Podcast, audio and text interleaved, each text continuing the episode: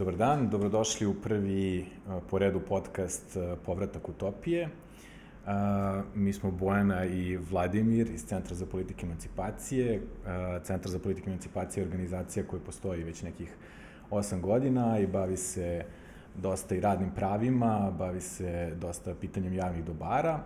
Uh, odlučili smo se na uh, snimanje podcasta zato što smo jeli u vreme korone nekako ograničeni d, u pristupu jeli, široj populaciji. Ne možemo da organizujemo javne razgovore i tribine koje smo inače želeli da organizujemo tokom ove godine, tako da je ovaj podcast jedan od uh, načina da neke teme koje su nama važne izložimo široj javnosti. E, isto smo deo i e, mreže Clean Clothes Campaign, o tome Bojana može nešto malo više da kaže. Ok, ćao, Simke nas je predstavio. Centar za politike emancipacije je od 2017. godine deo Clean Clothes Campaign mreže, a Clean Clothes Campaign mreža je mreža nevladinih organizacija i sindikata koja se bave uslovima rada u tekstilnoj industriji i koja se između ostalog e, e, zalaže i zagovara jedan koncept koji mi sada zagovaramo u Srbiji, a koji se zove plata za život, pa ćemo malo i sa našim gostima e, pričati o tom. Tako da, da, umesto još jedne Zoom konferencije ili seta Zoom konferencija, dobili ste svi još jedan podcast, pa vidjet ćemo kako će ići.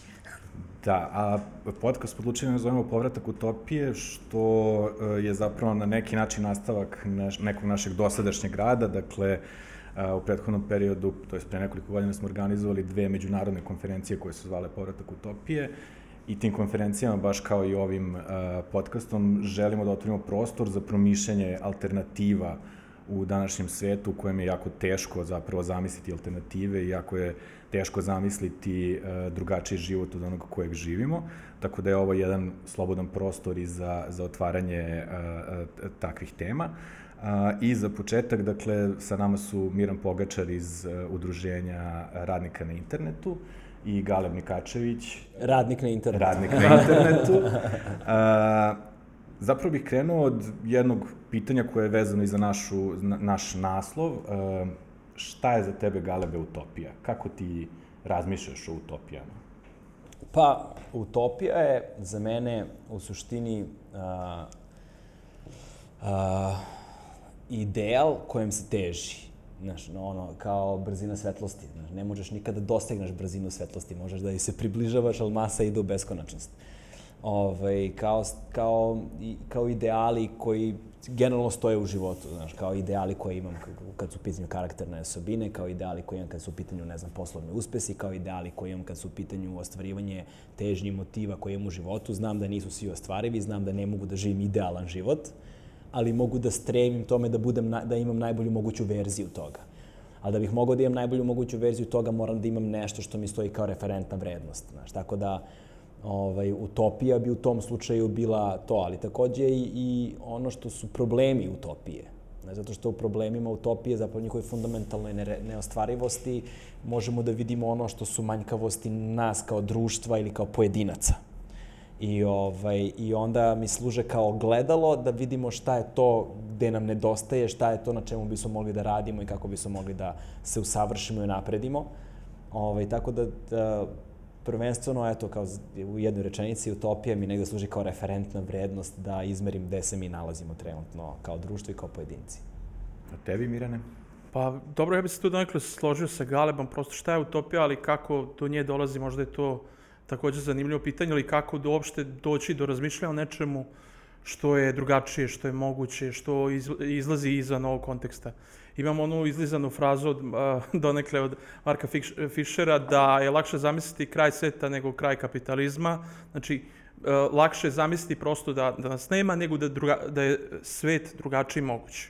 Ono po meni kako dolazi donekle do, do prosto mogućnosti promišljanja utopije, jeste ne samo na fakultetu i tako nekim zatvorenim zajednicama, nego zaista tamo gde se politika rađa, a po meni je to često tamo kad ljudi zaista dođu u situaciju da im je dupe u procepu i da ovaj moraju nekako da promisle izvan svoje konkretne situacije šta da rade povodom nje i tada se rađa i politička svest i mogućnost da neko zaista misli drugačiji svet, možda nekim malim bebećim koracima u početku, ali zaista to može da vodi dakle ka razmišljanju o drugačijim načinima rada, drugačijim načinima života i tome slično. Mm. i to je zapravo jedna od uh, tema kojima ćemo se danas baviti, jeste pitanje uh, rada na internetu i toga šta se zapravo desilo danas u Srbiji, šta je na, navelo ljude da krenu da se organizuju i razmišljaju neki korak dalje, kako, kako promeniti neko stanje stvari. Ali ja samo da se osvrnem na ovo što je Miran rekao, odnosno i jedan i drugi manje više ste nekako ipak utopiju uh, stavili u, u nekakav kontekst koji uh, je realan, koji je ostvariv. Ok, referentna tačka koja nam je tamo negde, ali kako joj idemo. Znači, to nije nešto gde je do kraja nemoguće, nemoguće stići. Ne, ne, ne, za mene je apsolutno nemoguće stići do utopije. Utopija je nemoguća u svom ostvarenju, ne, odnosno ima nemogućnost ostvarenja, ali to ne može da me spreči da imam uh, ono tenziju ka kretanju u tom smeru. Znači više da utopiju doživljavam kao kao putovanje koje nema krajnji cilj, nego kao permanentno stanje kretanja ka usavršavanju, nego kao nekom cilju kao koju, na koji treba stići, finalnoj tački. Da, ali to meni ne, ne isključuje da realnost uh, te težnje da ideš ka Aha, tamo. Ne, da, da, znači, težnja, nije, nije da, nešto, tež... utopija je tamo negde, mi smo sad negde ovde i kao tu između postoji pa, nekakav znaš kako, zid. Znači... Znaš, recimo, na taj način može, ono, veroispovesti, konfesije, religija može se posmatra kao jedna utopistička ideja, ideala ka kojem treba da se krećemo, znaš, ko je, ko je čovek od vere, na primjer. Znaš, kao šta bi bila idealna, idealni čovek idealni čovjek bi bio onaj koji ispunjava ne znam koje sve postulate onoga što doživljavamo kao vrednostnu kategoriju, normativnu, i onda se krećeš u tom smeru. Nećeš nikada biti čovek bez greha, naravno, ali možeš da se trudiš da budeš što je bolji mogući sa slikom o tome šta je za tebe bezgrešni ili neki kav idealni čovek. Tako da i u sistemima isto tako, nema idealnog sistema, ali možemo da ga zamislimo. Znaš, i onda kada ga zamislimo da se krećemo ka njemu. Da, da, da, da probamo da, s jedne strane, povećamo pravdu i smanjimo štetu, znaš, i da taj odnos, da, da, da, da, da, se, da se taj odnos širi što je više moguće, ovaj, bez nekog krajnjeg ishoda, nego kao stalnoj težnji za napredovanje. Znaš, ne verujem da će se ikada desiti u, u čovečanstvu trenutak kada ćemo postići određeni stepen razvoja kao, e, sad smo okej, okay, sad nam ništa ne fali, to se neće desiti. Jasno, jasno. A meni je zanimljivo ovo što si ti naglasio, uh, moment organizovanja. Dakle, uh, s jedne strane imamo m, nekako status quo, koji nas sve vreme jeli gazi, i onda nekako na to reagujemo sa idejom da nešto promenimo i onda se organizujemo zapravo da bismo to promenili. A onda imamo i sad isto jedan segment gde postoje nekakve utopije sprem kojih možeš da se organizuješ koliko hoćeš, ali ne, ne mogu to da budu ostvarene, ali neki segmenti utopije da mogu da budu ostvareni, ali uz neki pregalašt, uz neki napor, kolektivno delanje, jeli? Pa po meni je apsolutno besmisleno uopšte delati ako nemam neku ideju kako bi to trebalo da bude. Sad, pitanje je koliko zaista neko dobacuje. Znači, kad krene da se organizuje da dela, da li zaista ima neku političku zamisao, ideju, uh, povodom tog organizovanja, dakle, na primjeru, ovde je zaista primjer rada, koji bi rad najviše nama odgovarao, dakle, kako organizovan, a, koliko bi u suštini trebali da dajemo državi, znači ta neka pitanja su zaista krucijalna i s tim u vezi potrebna neka makar minimalna utopija ili zamisao kako bi mi želi zaista taj rad da bude i organizovan i kako bi trebalo da bude a, raspodela naših prihoda. Mm, mm. Da, neka zdrava doza idealizma nam treba. Pa, da. apsolutno. Pa da, da, da, svakako. Da, da, dobro, ali da se vratimo sad u, u realnost. Vas dvojice ste ovde gosti kao jedan i drugi kao na različite načine, radnici na internetu. E, što se tako, jel te, popularno zove. Kako ste vi uopšte došli u tu poziciju? Zašto se ne bavite nečim drugim? Jeste imali uopšte izbor? Kako ste postali radnici na internetu? Pa u mom slučaju je izbor, znaš, ovaj, izbor koji je donešen iz jednog teskobnog osjećanja skučenosti i nužnosti, znaš. Ovaj, ja dugo radim u medijumskom poslu sam, ono, moj prvi posao je bio medijski, jedini kojim sam se bavio celog svog života, više od 20 godina u ovom trenutku. Ovaj, I stvar je u tome da ja sam počeo u tradicionalnim medijima. Dakle, ja sam počeo u printu, na radiju, televiziji, znaš, dok je to bio, ono, dok je to zapravo bio mainstream. Ovaj, potom sam imao tu evoluciju kako se dolazilo do tehnološke evolucije, tako sam se ja prilagođavao. I onda je to polako nalazilo svoj put ka onome što je danas na internetu, pa smo radili web novinarstvo na portalima, ali u jednom trenutku su ljudi prestali da idu na www.com, znaš, prosto ti ljudi pokupe sa društvenih mreža, odu pa se vrate na društvenu mrežu. Čak ima i ta merna jedinica toga, zove se bounce rate. Kao kad je neko otišao na sajt, koliko se zadržao, da li je pročitao još neku vest ili se odmah vratio nazad. Ukoliko ti je visok bounce rate, imaš problem sa komercijalnim sponsorima, između ostalog. Ovaj, ali ono što se desilo jeste da, um, to je nešto što stalno pričam, dakle, um, problem medijskog poslovanja jeste što, uh, ono, šta je razlika između novinarstva i PR-a. Znaš, novinarstvo postavlja pitanja koja su bolna. Znaš, ukoliko ne radiš to, ti si PR agencija, jer onda radiš u interesu nekoga.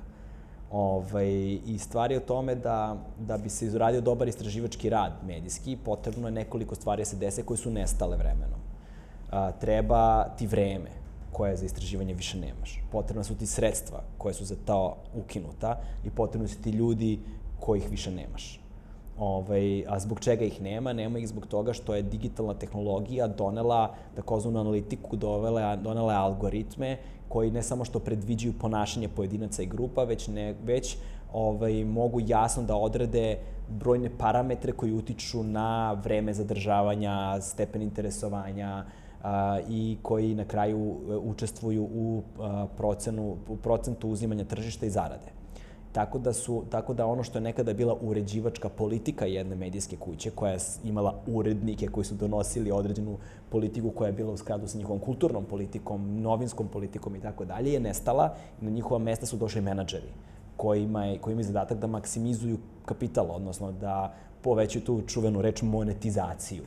Ali izvini, a gde je tu onda novinar? Nestao je, Nestao nema je ga, novinar, nema da. ga, to je ono što kažem, nema ga, nema ljudi, nema sredstava, nema vremena. Ti, ti danas više nemaš čoveka koji će raditi na jednoj priči 3 do 6 meseci ili koliko god da je potrebno da se priča ispriča. Ti sad imaš jednog čoveka koji sedi u redakciji koji mora dne, dnevno da izbaci 13 kakvih god tekstova, zato što je potrebno da se ostvari kvota poseta u toku dana, da bi se, ne znam, click-through rate, bounce rate, ovo ili ono, da bi ti na kraju meseca imala neku brojku, jer na osnovu te brojke preko agencije dovlači sponzore koji isplaćaju da budu prisutni. Imaš, ja kažem, imaš istraživačko novinarstvo, ali ono što je paradoksalno, ono je potpuno izmešteno iz m, m, kao ovih tradicionalnih medija u NGO sektor gde ti zapravo to radiš kroz ono projekte koji moraš da finansiraš na potpuno drugi način. Jer... Da, ali to je opet problem finansiranja tih projekata, pisanja tih projekata, a, prava koje ostvaruješ kao radnik u tom medijskom svetu. Znaš, da, li, da, li je no, da li je napad na novinara napad na službeno lice? Šta obezbeđuje tvoju sigurnost? Šta obezbeđuje tvoju uh, stabilnost? Šta obezbeđuje tvoju profesionalnost? Znaš, na ko, na A koji jesi, način... jesi, jesi li ti zaposlen honorarno, jesi li zaposlen za stalno, kako te pokriva ugovor? Tako je, ka, na koji način, kako te štite, šta tu Da. imaš. I s druge strane, kakva je tvoja pozicija, kako te zakon štiti, kako si ti kao novinar postavljen. Dakle, da li možeš da uđeš negde, da li možeš da postaviš pitanje, da li imaš ono strah od toga da izveštavaš na neku temu i tako dalje. Znaš, mi živimo u jednom vrlo nesigurnom i nestabilnom terenu gde su takvi ljudi ekstremno mali broj njih je i saterani su u ćošak i to je uglavnom grupa neviđenih entuzijasta na, ovaj, koji, koji, koji bi to radili kakvim god da su uslovi životni. Ali ono što je velika većina medijskog poslovanja, to je ono tepihom prekriveno, taj, kao što ja, ja često kažem, native će da, nam, će da bude poslednji ekser u sanduku ono, novinarstva. Znaš.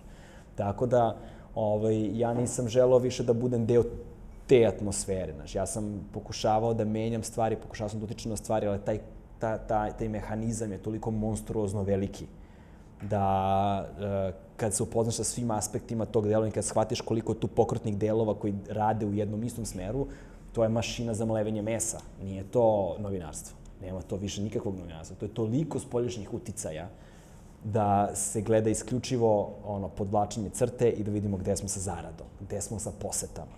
Znaš, nema tu više i onda, se, onda je nestao, je, nestao, nestao je prosto fizički prostor, a onda su algoritmi doneli svoje, gde na osnovu sadržaja koji, je to sve svi znamo, ali lajkuje, šeruješ, ti se nudi sadržaj za koji se pretpostavlja da će ti se svidjeti. Onda se gubi platforma za dijalog, za kulturu dijaloga, polarizuje se dodatno publika i, ovaj, i, i, i nekako što nam je tehnološki, su nam stvari dostupnije, to nam je sadržaj zapravo teži za pronalaženje.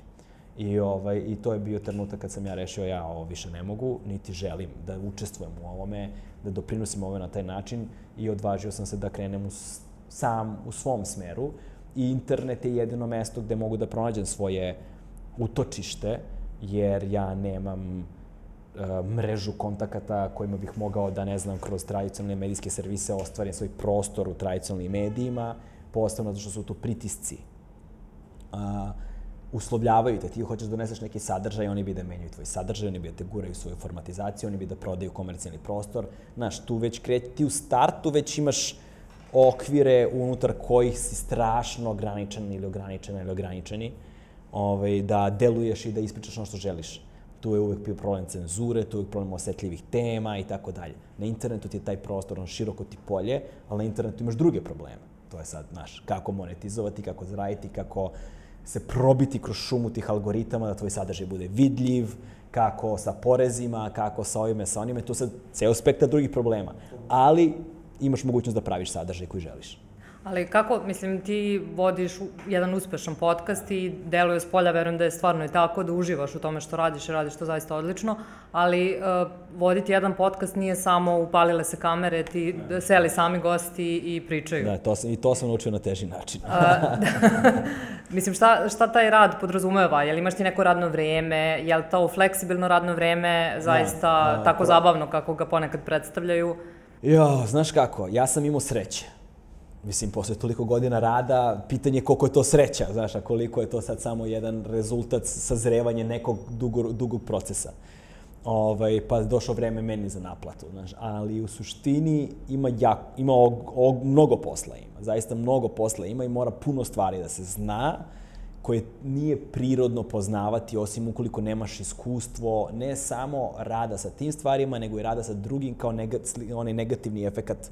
Znaš kako je kada ne uradiš tako. Znači imaš, imaš iskustvo na jednoj i na drugoj strani i iziskuje ovaj, jednu, jedan stepen od važnosti da se pustiš i da skočiš u nepoznat teren, gde ti ništa nije garantovano, ovaj, i gde moraš da se osloniš na svoju veru u proizvod i svoju sposobnost da ostvariš komercijalne kontakte i svoju nadu u dugoročnost koja bi možda vremenom promenila kulturu ponašanja publike. Jer tu dolazimo do problema održivosti svega toga. Znači, šta je to što ja moram da uradim, koliko toga moram da uradim, na koji način moram da uradim da bih zaradio dovoljno novca da mogu da uradim to ponovo. Znači, ono, da sve obezbedi. Da se reprodukuješ. Da se reprodukujem, tako ja, da su pokriveni svi troškovi amortizacije, ono, od pelena za dete, plaćanja vrtića, rente za gajbu, ortacima koji mi pomažu, znaš, plate i sve to zajedno, kao koja je to cifra sa kojom sam ja na nuli da mogu da proizvedem još jednu stvar. Ali imaš odmor? Odmor u smislu da se Nema. zaista isključiš? Na, na internetu odmor ne postoji. A Mirane, ti dolaziš iz nekog potpuno drugog konteksta u odnosu na, na, na Galeba i, u, mislim, pored svega ostalog što radiš, u zadnje vreme nekako si postao prepoznato lice tih radnika na internetu. Da li su zaista svi radnici na internetu programeri, web dizajneri ili voditelji uspešnog podcasta ili kako, kako stvari tu, tu stvari stoje? I št, da tu zaista ima pregršt različitih zanimanja od ljudi koji prodaju različite svoje proizvode, koji ručno prave nakit i tome slično, do ljudi koji trguju kriptovalutama i različite, ono, čak se i klade, kockaju. Znači, ima toga, ali to je u manjini zaista dobar deo njih obavlja neke poslove koji ja sam radim, dakle, ja radim kao nastavnik engleskog jezika i ovaj, to je relativno ok posao koji dobar deo moje generacije radi, koji su visoko obrazovani, koji imaju neka znanja, veštine i jednostavno nisu mogli ni na koji drugi način da nađu posao u ovoj zemlji koji bi bio i ule normalan i pošteno plaćen. Znači, ti, ti si završio filozofiju? Da, mislim, između ostalog, ja sam završio filozofiju, a moj prvi radni angažman je sa 14 godina i to dobrovoljno sezonski. Ja sam svake godine, na primjer, sezonski radio različite vrste poslova a, i tokom studija. Nakon toga, kad sam završio studije, zaposlio sam se igrom slučaja kao profesor nemačkog jezika i znam i nemački i onda sam dobio tu i politički otkaz. Tom prilikom, ja do nisam izlazio s tim, ali dobio sam ih i na suđenju, pa su me vratili, ovaj, do sad nisam izlazio javno, dakle onda su me vratili na posao, isplatili su mi ugovor i od tada sam počeo, znači to je negde 2018. Ja sam počeo da radim kao eto nastavnik, odnosno profesor engleskog na internetu. E sad, ja bi možda se malo dovezu na Galeba, dosta zaista zanimljivih stvari izneo, ali ne treba neki ono disutopija i tako reći futurizam da vidimo da dobar deo života nam algoritam i roboti diktiraju.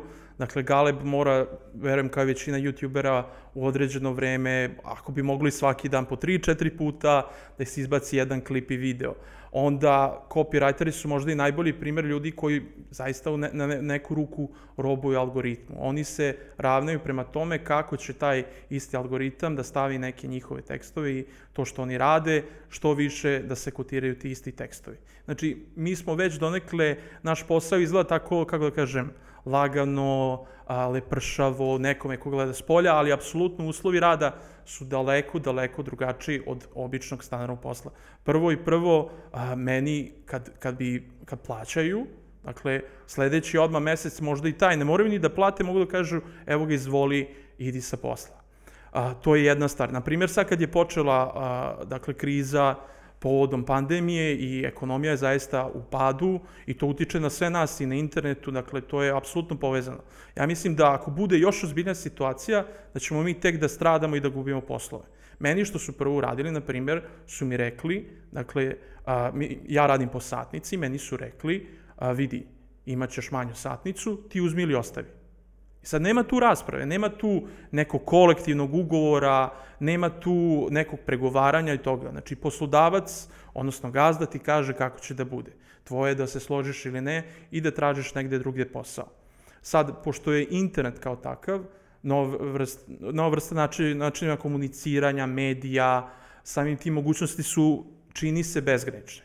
Ali to ima neki svoj rok trajanja i vreme kad će to da, da se zasiti, kad će broj ljudi koji tu bude radio biti veći, kad će plate biti manje a, i dakle postoji veoma velika mogućnost da u budućnosti imamo programere koji ne zarađuju par hiljada evra, nego se već veri sa stotinama evra. I to je često slučaj studenta koji počinju da rade. Znači oni rade za par stotina evra, to njima možda dobro u tom trenutku, ali jednostavno padaće cena rada i naročito sad u ovakvim, kažem, problematičnim situacijama kao što je pandemija, mogućnosti da se ovi gube posle su veoma laki. Nas ništa ne štiti.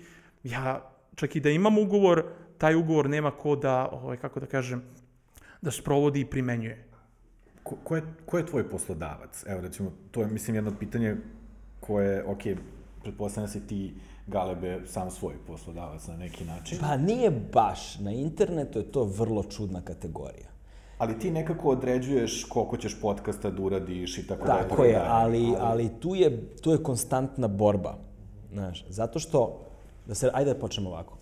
Dakle, platforme na kojima a, prikazujemo sadržaj su da li je to YouTube, da li je to Facebook, da li je to Twitter, da li je to Twitch, neki streamerski servis, ne znam, uh, Crowdcast, ovi, znači šta god da izabereš je nekakva platforma sve te platforme su komercijalne platforme. Je li tako? S time da Google tu ima apsolutni primat, znači posebno kada govorimo o video sadržaju bez konkurencije. Ovaj, I ona ima svoj algoritam na osnovu kojeg zarađuje novac. Što znači da ti moraš da investiraš u taj algoritam da bi mogao da dobiješ deo tog uh, kolača. Tvoja investicija nije samo uh, u produkciji koju uložiš da nešto napraviš tvoja investicija nije samo u vremenu koje ćeš provesti da razumeš taj kompleksni mehanizam da bi optimizovao svoj, svoj sadržaj koji plasiraš, nego je tvoj, nego je tvoj problem i u tome što a, tebe algoritam favorizuje ukoliko radiš na određeni način, da bi te, i, i onda te vidi više ljudi, povećava ti se saobraćaj i time se povećava tvoj udeo u tržišnom kolaču da uzmeš određenu kintu. Što znači da tebe na jedan vrlo subtilan način ti se zavrće ruka, razumeš, iza leđa i primorava te da radiš u određenim smenama, u određenim trenucima, na određ, u određenom obimu, na određeni način, da bi uopšte mogao da budeš vidljiv i prepoznatljiv, da bi uopšte došao u poziciju da zaradiš nekakav novac i što je više ljudi prisutno, to je nemilosrdni sistem, a s druge strane, ti velike, te velike kompanije su monopolističke. I onda ti nemaš tu tržišnu ono, konkurenciju koja će stvar učiniti pravednijom. Vrlo je nepravedna stvar na internetu. Tebi Google uzima 45% u startu od svega što zaradiš. Znaš, a onda idemo od toga da a, tebe na osnovu tržišta vrednuje, to je čuje ste CPE, ovo je CPM, znaš. I onda imaju taj CPM koji je tragičan kada su mala tržišta u pitanju kao što je Srbija, što nas obara na, na, na listama, pa onda te, što si ti govorio, SEO, dakle Search Engine Optimization, dakle te optimizacije, kako da tvoj sadržaj bude vidljiv, to je ogromna količina posla koja je ono u tom takozvanom backstage-u iza onoga što se vidi da bi taj sadržaj uopšte stigao do korisnika. Znači ti imaš jako puno posla koji mora se obavi i pritom, pošto su to algoritmi, pošto su to programeri, softveri, oni se konstantno menjaju, što ti znači da moraš da budeš u toku sa svime time, moraš da se edukuješ, moraš, ono što, što važi ove nedelje ne važi sledeće nedelje, ne važi sledećeg meseca, to je permanentno stanje kretanja koje ti ne možeš uvek sebi da priuštiš, koje ne možeš ti uvek sebi, znaš, ti sada imaš kompanije koje debelo naplaćuju obuke za optimizaciju tvog sadržaja. Dakle, veliki je put od proizvoda do krajnjeg korisnika. Ogroman je taj put gde na svakom koraku e, globalne kompanije imaju, se ugrađuju i globalne kompanije imaju ogroman monopol. Tako da ti onda moraš da pronađeš način, ok, sad kad sam vidljiv, ova kinta koju dobijamo od interneta je smešna, jer to je zaista za Srbiju banalno mali novac, ti onda moraš da pronađeš način a, sad ja moram, sad kad sam vidljiv i generišem neku publiku, sad moram da idem sa komercijalnim sponsorima, pa onda ideš u tradicionalni način poslovanja, da onda praviš prezentacije, šalješ mailom, imaš sastanke, dogovaraš sponzorstva, pa onda imaš odgovornost prema sponzorima, pa onda te oni uslovljavaju. Znači, kad neko da pare, sad bi taj svašta nešto. Pa onda kako tu kulturnu politiku običaja i odnosa, kako ne upropastiti svoj sadržaj, a napraviti kompromis sa komercijalnim i tako dalje. To je sad jako komplikovana stvar. Tako, reci. Ne, ne, sad kad vidim tu tvoju uslovljen, uslovljenost tvog da. posla svim tim, ovo dođeš, sedneš, držiš čas s engleskog, mi ono, ne zvuči tako loše. Ne zvuči, ne, šalim, ali... šalim da, se da. sad, ovaj, da. Ok, ali... ne, ne bih rekao, dakle, Gale bi istakao, znači, sve šta utiče na njegovo poslovanje. Dakle, imaš i ti tu negde, negde da se pitaš, ali zaista si ograničen. Naprimjer, ja mogu kao nastavnik engleskog, dakle, ti imaš peak time. Isto to kao, tad, tad, tad su tu učenici, tad predaješ i to je to. Znači, ne možeš ti da radiš to kad hoćeš. Vikendom zna se, bolje je da se radi vikendom. Ako, ako ne radiš neko vreme, uh, treba ti vremena da se vratiš opet u formu, odnosno da ti učenici neki opet dođu. Znači nije to sve i to je borba, što je najveći problem, to je borba između nas, između pojedinačnih individualnih radnika koji rade, dok imamo monopole na visokom nivou koji diktiraju apsolutno sve uslove na koje ne možeš nikako da utičeš. I to je ono što, što je meni zaista problem, jeste da neko ti kaže uzmi ili ostavi. Dakle, s tim u vezi, mi smo se organizovali baš to, a, radnici na internetu, zaista iz jednog konkretnog razloga kako to inače ide u životu, kad se desi neki problem koji sam mogao i da naslutim, slutio sam već kad je bio sličan problem u Bosni. Samo što je kod nas dosta, dosta više ljudi koji radi na ovaj način, koji e, nisu plaćali poreze i doprinose, to, to ide čak u pet godina zajedno sa ovom, znači šest godina može da ide unazad i to su ogromni iznosi koji se potražuju od ljudi, ali s tim u vezi, dakle, nije samo problem ovaj koji smo sa državom, dakle, koji trenutno imamo i našim statusom i regulisanjem poslovanja, nego zaista treba pokušati, barem prema, e, po meni, ići korak dalje od toga, ali to je nešto o tom potom. Dakle, ići i pokušati praviti neke platforme, a, o, osnivati svoja preduzeća, firme, kako god, koje bi prosto ukinuli to, a, makar neki deo tog posredovanja, odnosno onog dela kolača koji ti uzmu. Znači... A jel, a jel izvini, uh, m, ikad iko, po, mislim, verovatno da, ali koja je odgovornost? Da li se mogu te kompanije koje vama daju posao, jel se one mogu pozvati za, za, na odgovornost? Da li postoje nekakva vrsta međunarodnog, međunarodne ne. regulative koja njih Mogu ja da kontroliše? kažem. Ajde, izvoli, ajde, izvoli. Mogu ja to da kažem. Ne možeš. Prevodu ne možeš. Ajde prvo počnemo od ovih najvećih. Evropska unija ima a, termin jedan koji se zove FANGS, kao kanđe, ja to slobodnom prevodu na srpski zovem grebatori. To su poreski grebatori. FANGS su Facebook, Amazon, Netflix i Google.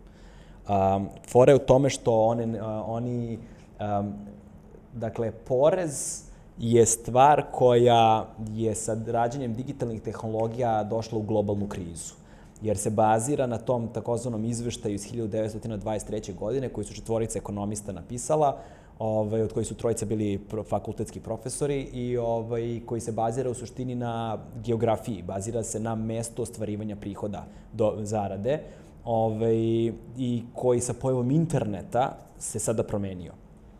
Gde oni pokrivanjem velikog dela tržišta ovaj, a, na osnovu algoritma određuju koje parče kolače da za koju veličinu tržišta, plus još neki parametri, kao što je legalitet tržišta, kao što je ostvarivanje zarada na tom tržištu, znači kolika je prošla zarada stanovnika ovde, koliko para troši na različite stvari, znaš, da li imaš piratske, pira, koliko ljudi skida torrente da zna, skine film, koliko ljudi ima legalan Word na svom kompjuteru i tako dalje, ali to je manji deo. Veći deo je to koliko ti je tržište zapravo i kakva je ekonomska snaga tog tržišta, se određuje rang, dakle, i onda kada recimo sad, ne znam, političke stranke, komercijalni brendovi, hoće svoju reklamu na društvenim mrežama. Oni plaćaju Google-u. Je li tako? ali Google nema mesto ostvarivanja prihoda u Srbiji i Srbija ne može da oporezuje novac koji naše firme daju na internetu. Znaš, I to je, nije samo problem uh, naše zemlje, to je problem mnogih drugih zemalja. Ali šta je problem sa našom zemljom? Problem sa našom zemljom je što smo suviše mali udeo tog globalnog tržišta. Što ako mi probamo da uslovimo kompaniju i kažemo, e, slušaj, ne može, šta će njima, samo će da nas skinu sa tržišne liste. Zato brojni, brojni servisi ne postoje u Srbiji. Zato što, znaš, ne zanima nas. Znaš, ne, jer administrativno procesuiranje 6 miliona stanovnika u Srbiji, administrativno procesuiranje 28 zemalja u Evropskoj uniji isto košta otvaranje administrativnog centra da uradi u Evropskoj uniji za 28 zemalja, te košta isto koliko bi te koštalo da otvoriš samo za Srbiju. Zašto bi to radili? To, to poslovno nema smisla. Pritom mi nemamo nikakav a, nikakvu pregovaračku poziciju kao država u odnosu na jedan Facebook ili na jedan Google, ne možemo ništa bukvalno da uradimo i on samo nas odjebu. Ovaj, a postoji treća stvar koja se isto vrlo često dešava, a to je da kada ti njima nametneš obavezu, oni samo tu obavezu prebace na krajnje korisnika iz Srbije koji kupuje proizvod. Da ja kao korisnik nekog od njih plaćam zapravo ono što je ono, ono, ono što bi trebalo kompanija da plati. S druge strane, ljudi koji imaju ugovore sa ugovore, to je sad vrlo široka kategorija sa stranim kompanijama, da li rade kao dispečerske službe za kamione u Americi, ili rade kao grafički dizajneri, ili rade kao nastavnici stranih jezika, svu odgovornost oni snose. Uh, oni rade po tržišno manjim cenama nego što je tamo u matičnim zemljama, što pritom ne plaćaju nikakve doprinose za tebe ništa, tako da tu kompaniju ti koštaš mnogo manje. Ovi, njima se isplati da radi sa tobom, ali lokalne kompanije ne mogu da budu konkurentne njima, zato što on, lokalna kompanija mora na taj honorar da plati i doprinose i porez i sve i prosto čak i da imaju love ne mogu da budu konkurenti tim stranim part, stra, strane kompanije koje uzimaju naše građane za partnere. Ima još ne. jedan sektor koji je, mislim, koji Slično, slično da, da, funkcioniše. Isto smo hteli reći, da, verovatno, da. Ovaj, uh, kruzeri I oni isto nemaju ono lokaciju gde si ti, znači isto kao ne znaš kad treba da se kao tamo žališ za svoje radna prava, nemaš kome da se žadnaš, ne, ne znam se koja je lokacija i kojoj ta firma pripada i koji, sprem kog zakona o radu ti si tu zaposlen. Ali mene, mislim, ja bih vratio samo na ovo što, je, što si ti e, počeo da pričaš, ali mislim da to većini ljudi nije baš do kraja jasno. Kako funkcionišu te platforme? Ko je tebi poslodavac? Kako ti uopšte dođeš do tih svojih učenika, kako oni tebi plaćaju. Mislim, mislim da to stvari neke koje većini ljudi u Srbiji koji nisu u, već u toj branši ili se nisu okrenuli uh, tom vidu zarade, da krenu preko interneta zarađuju, kako to funkcioniše? Dakle, ko je tebi poslodavac, kako dolaziš do svojih učenika i kako funkcioniše ta cela transakcija? Dobro, mislim, ja mogu da opišem konkretan slučaj kako dolaziš do tog posla, pa kako to ide. Jednostavno, nije to neki baš pretredno komplikovan proces ukoliko ti imaš određene stvari. Prva i osnovna jeste da znaš jezik. Dakle, to je jedno osnovna stvar. Druga je da jednostavno znaš i da predeš. To se oni uvjeravaju na demo časima. Dakle, imaš demo čas, probaš jedan, dva put, tri put, oni ti daju nešto časova da vide kako to ide, ako ide, može. A, treća stvar je ako imaš određeni sertifikat kao nastavnika engleskog, to možeš na netu da polažeš i to ti je to. Platu primaš uglavnom u većini kompanija na uh, svaki 15 dana i to primaš na različite načine, u mom slučaju PayPal. Dakle, PayPal podižeš na osnovu onoga koliko si uradio, pošto sam ja plaćam po satu, uh, ti dobijaš novac. I to je to. O, jednostavno, oni nemaju nikakvu drugu obavezu prema tebi, samo taj novac da, da izmire, a tvoja je obaveza, barem po zakonima države Srbije, jeste da ti sebi platiš i porez i doprinose što može da ide a, kako smo utvrdili u poslednje vreme, do 46% od tvojih bruto prihoda. Znači, od tih svih para koje dobiješ, ti trebaš pola da daš državi. Tako bi to trebalo, a pritom nemaš ništa standardno što imaju većina zaposlenih, što bi Ali se koliko očekivalo. sam ja razumeo, to je u slučaju da nisi prijavljen kao preduzetnik. Ukoliko se prijaviš kao preduzetnik, onda oko E, 12%. ali, ali doći, vrati, doći ćemo do te teme. Da, da, to e, ćemo, tih- mislim, da. Ovo, Ali- ovo ali- ako kao privatno lice primaš na privatno Fizičko, račun. fizičko lice. Da, da, da. Da. Ali Danas za, zašto ne dobijate novac na svoj regularni devizni račun, jer bi u tom slučaju oni morali da plate porez tamo, na uplatu, Da. To, to bi, pa da, zašto primate na, na, na PayPal, mislim, to, sad, sad mi je to palo na pamet, nisam o tom razmišljala Ne, ranije. nema veze, ne plaćaju oni ako tebi šalju na tvoj devizni račun, ništa. Imaš samo trošak transakcije.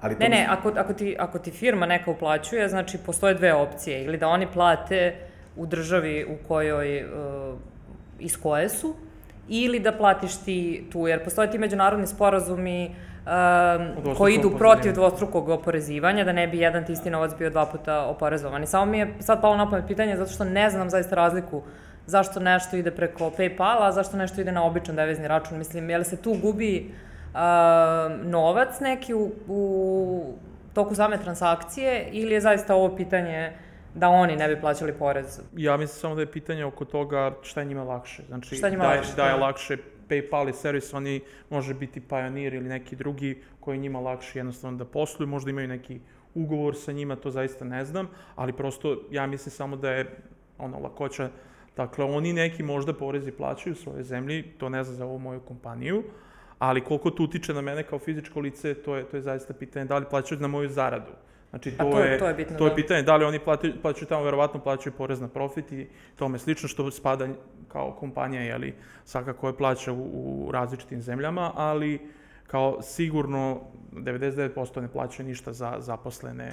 Znači, ne mogu apsolutno da tvrdim, ali ono, ne, ne bi angažovali ljude tek tako i, i ovaj, ono što je zanimljivo jeste, na primjer, Kina je ogromno tržište, tu ima ono, relativno nepresušno i tamo je, kako kažem, i stopa razvoja i BDP je u porastu, odnosno drugih zemalja, E, pre- prestiće Ameriku u budućnosti najverovatnije po nekim pitanjima.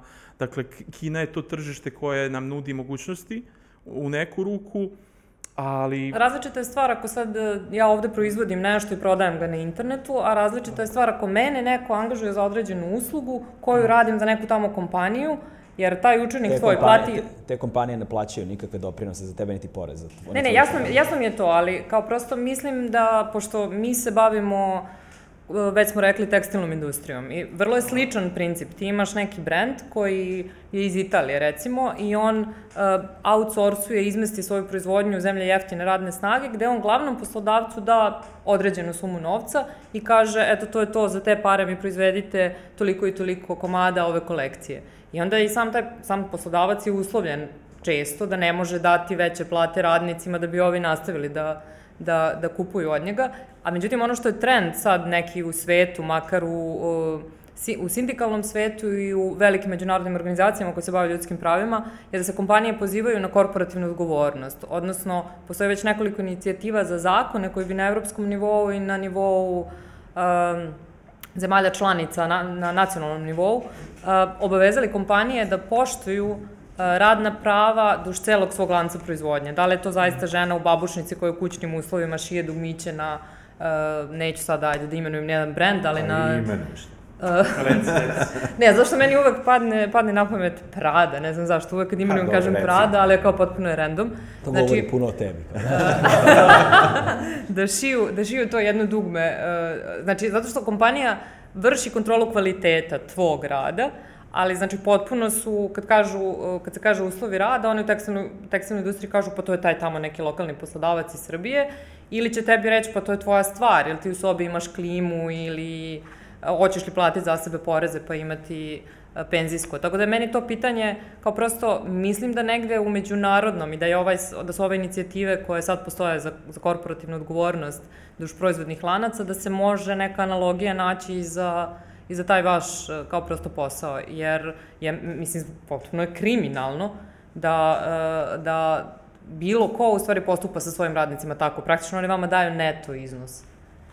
Neto, realno da, ali računa se kao bruto u Srbiji i onda kad se oporezuje, Jasno, da. dakle, to je... A ono što sam teo sad malo pre kad se zapucao, teo sam da dodam je, dakle, a, šta šta rade, dakle, ljude koji su, na primjer, iz Evrope, uglavnom su iz jugoistočne Evrope, dakle, oni nas reklamiraju kao native, na primjer, to je, to je bitno, znači mi smo iz Amerike, mi smo, dakle, to je ono white monkeys, dakle, u Kini je zaista neko ko je samo beo, kad ode da radi, to je ono zanimljivost, on ima mnogo veću platu odnosno na nekoga ko, ko možda i bolje govori taj isti engleski jezik, ali pritom žut. Znači ima ta neka doza zaista nekog rasizma koji njima treba, beli čovek zaista zna taj engleski jezik. I to je, to je ono zanimljivo. Prodaju nas, dakle, naše usluge, prodaju kao izvornik govornika i naplaćuju ih debelo. Debelo ih naplaćuju, a, od, od toga mi dobijamo od nekih 50% do ono 10% od realne cene, zavisnosti koja je kompanija. Dakle, bukvalno ti dobiješ 10 dolara, oni uzmu 20 u najboljem slučaju. Znači, to je to ono što, što rade. I kaže, nemaju nikakvu oboznu odgovornost i to međunarodne institucije ne postoje u tom smislu da neko, da ti možeš da potpišeš ugovor s njima, da imaš ono plaćen doprinos i porez i da to će sad neko da, da kontroliše i da primenjuje. To jednostavno ne postoji.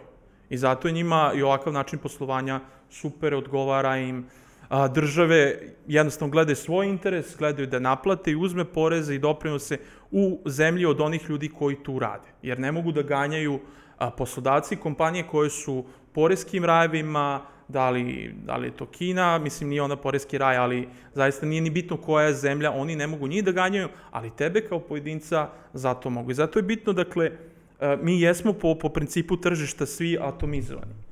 I, I to treba nekako na neki način jednostavno da se ljudi organizuju, dakle, sindikalno, u tom smislu da mogu kolektivno da vrše makar neki ovaj uticaj, ako ne prema poslodavcu, onda prema državi, jer ona je ta koja te kontroliše i uslovljava uz poslodavca. Dakle, moramo na neki način da, da budemo spremni da, da odgovorimo. Eto i vi ste krenuli da se sindikalno, znači, meni cela ova situacija deluje kao ono esencija tržišta. Znači, potpuno je slobodno, imaš neki poslodavci, imaš neke ljude koji očigledno ne mogu da nađu posao na lokalu u nekakvoj, nekakvom realno, realnoj industriji ili uh, u javnom sektoru ili šta god, nego moraju da se snalaze. Dakle, znamo da je visoka nezaposlenost, jeli?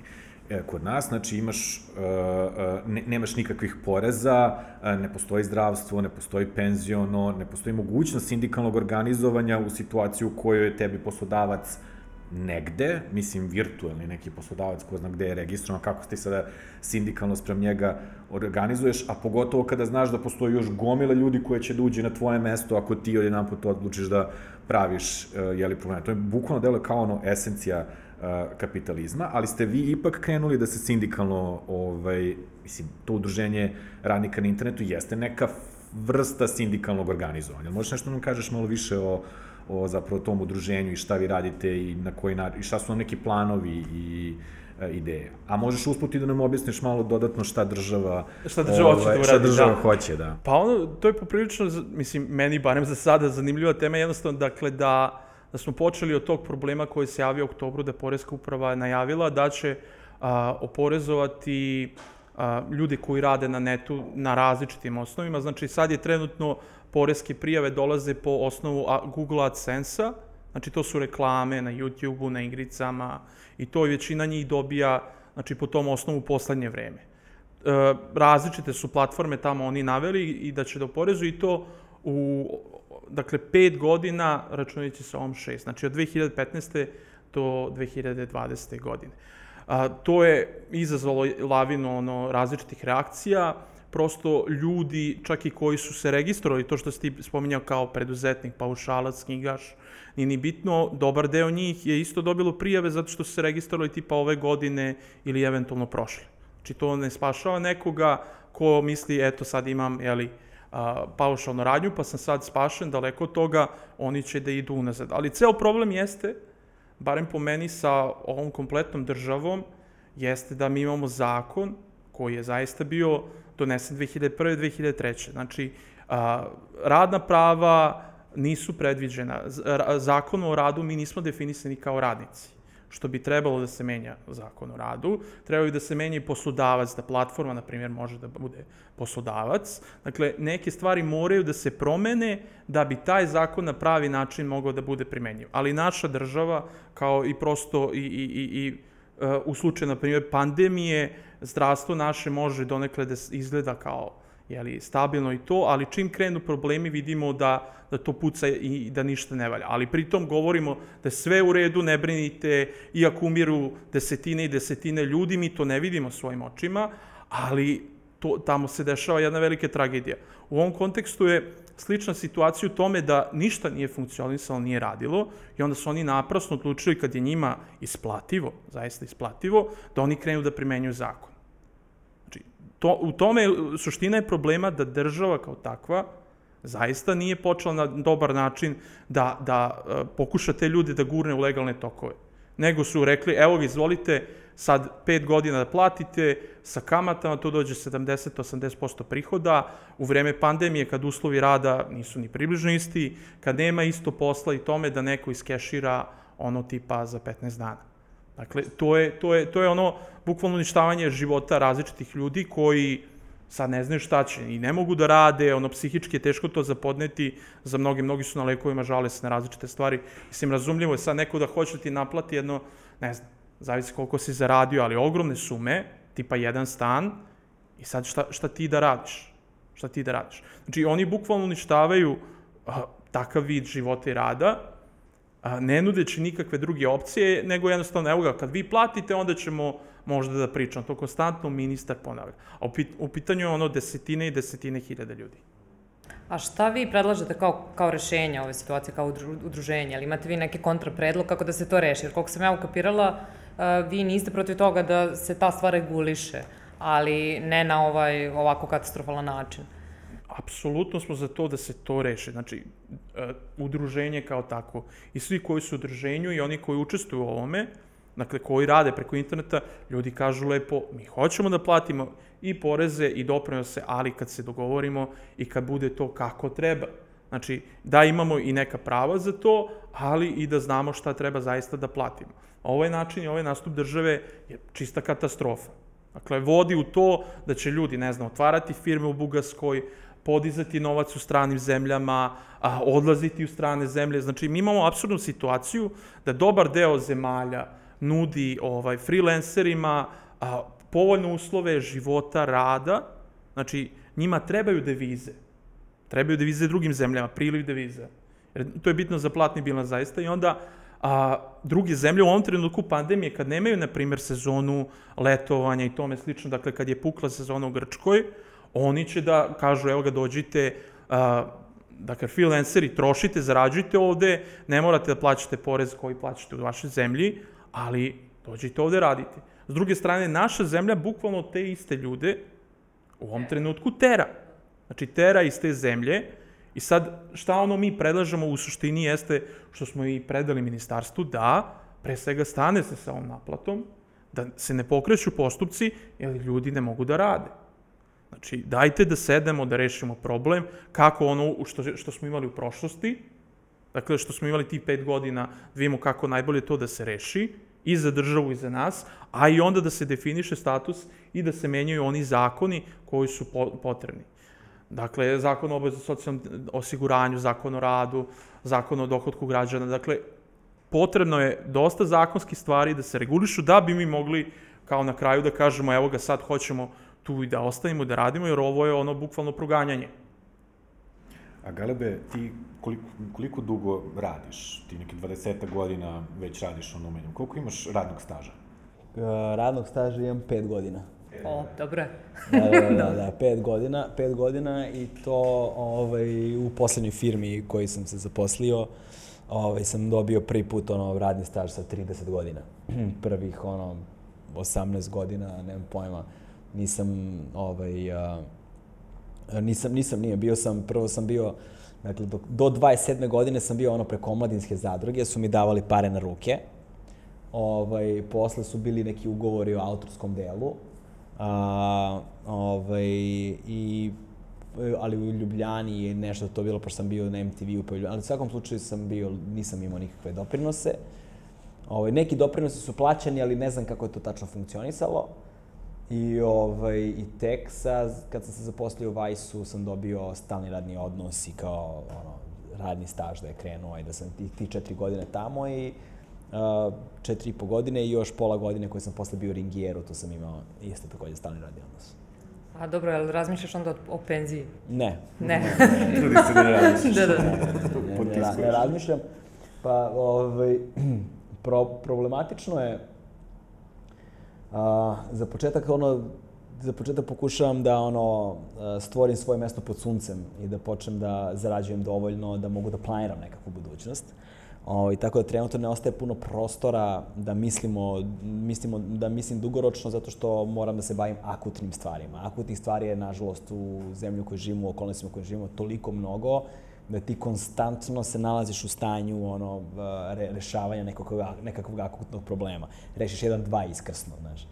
I ovaj, zaista ne ostaje puno prostora za dugoročno planiranje. Uh, osim ukoliko ne dođeš do određenog stepena finansijske nezavisnosti kada možda počneš da planiraš ili da ulažeš u to u tu takozvanu stvar. Da li će to budu privatni penzioni fondovi ili će da bude ovo ili ono, kao što je pitanje sa putnim osiguranjima, životnim osiguranjima, sličnim stvarima.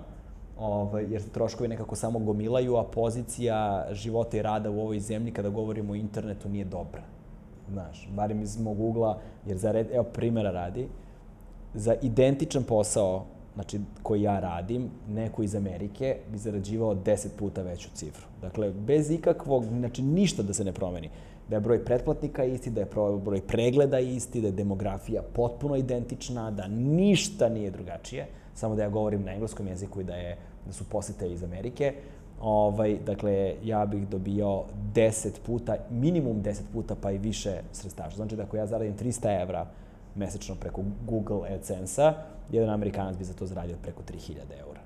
Znaš, to je značajna razlika. Ali, ali sad, sad si me podsjetio na mim koji uh, kruži internetom ovaj, ovih dana. Uh, kao moji roditelji kad su imali 30, pa ne znam, planiraju dete, kupuju kuću, a kao ja kad imam 30, ne znam, preporučujem dobru seriju, znači ne, nešto vrlo banalno, gde je jedna stvar, znači mi smo kao nekako uh, nemamo tu vrstu, sigur... ali ono što je recimo generacija naših roditelja imala kao neku vrstu sigurnosti i planiranja, recimo u ono zemljama koje su geografski srećne, zemljama zapadne Evrope, naši vršnjaci već imaju ili uplaćuju privatne penzione fondove ili planiraju ozbiljno svoju budućnost, već odavno imaju kuće, kola i kao sve to ostalo. Nama je ta stvar nekako uskraćena, pa ili smo produžili adolescenciju u tom smislu da živimo dugo kod roditelja i zaista nam je jedino pitanje uh, hoćemo li, što što je neka vrsta eskapizma u stvari ko, koju uopšte ne, ne osuđujem sad, nego kao prosto pokušavam da dokučim šta nam je alternativa. Ili to,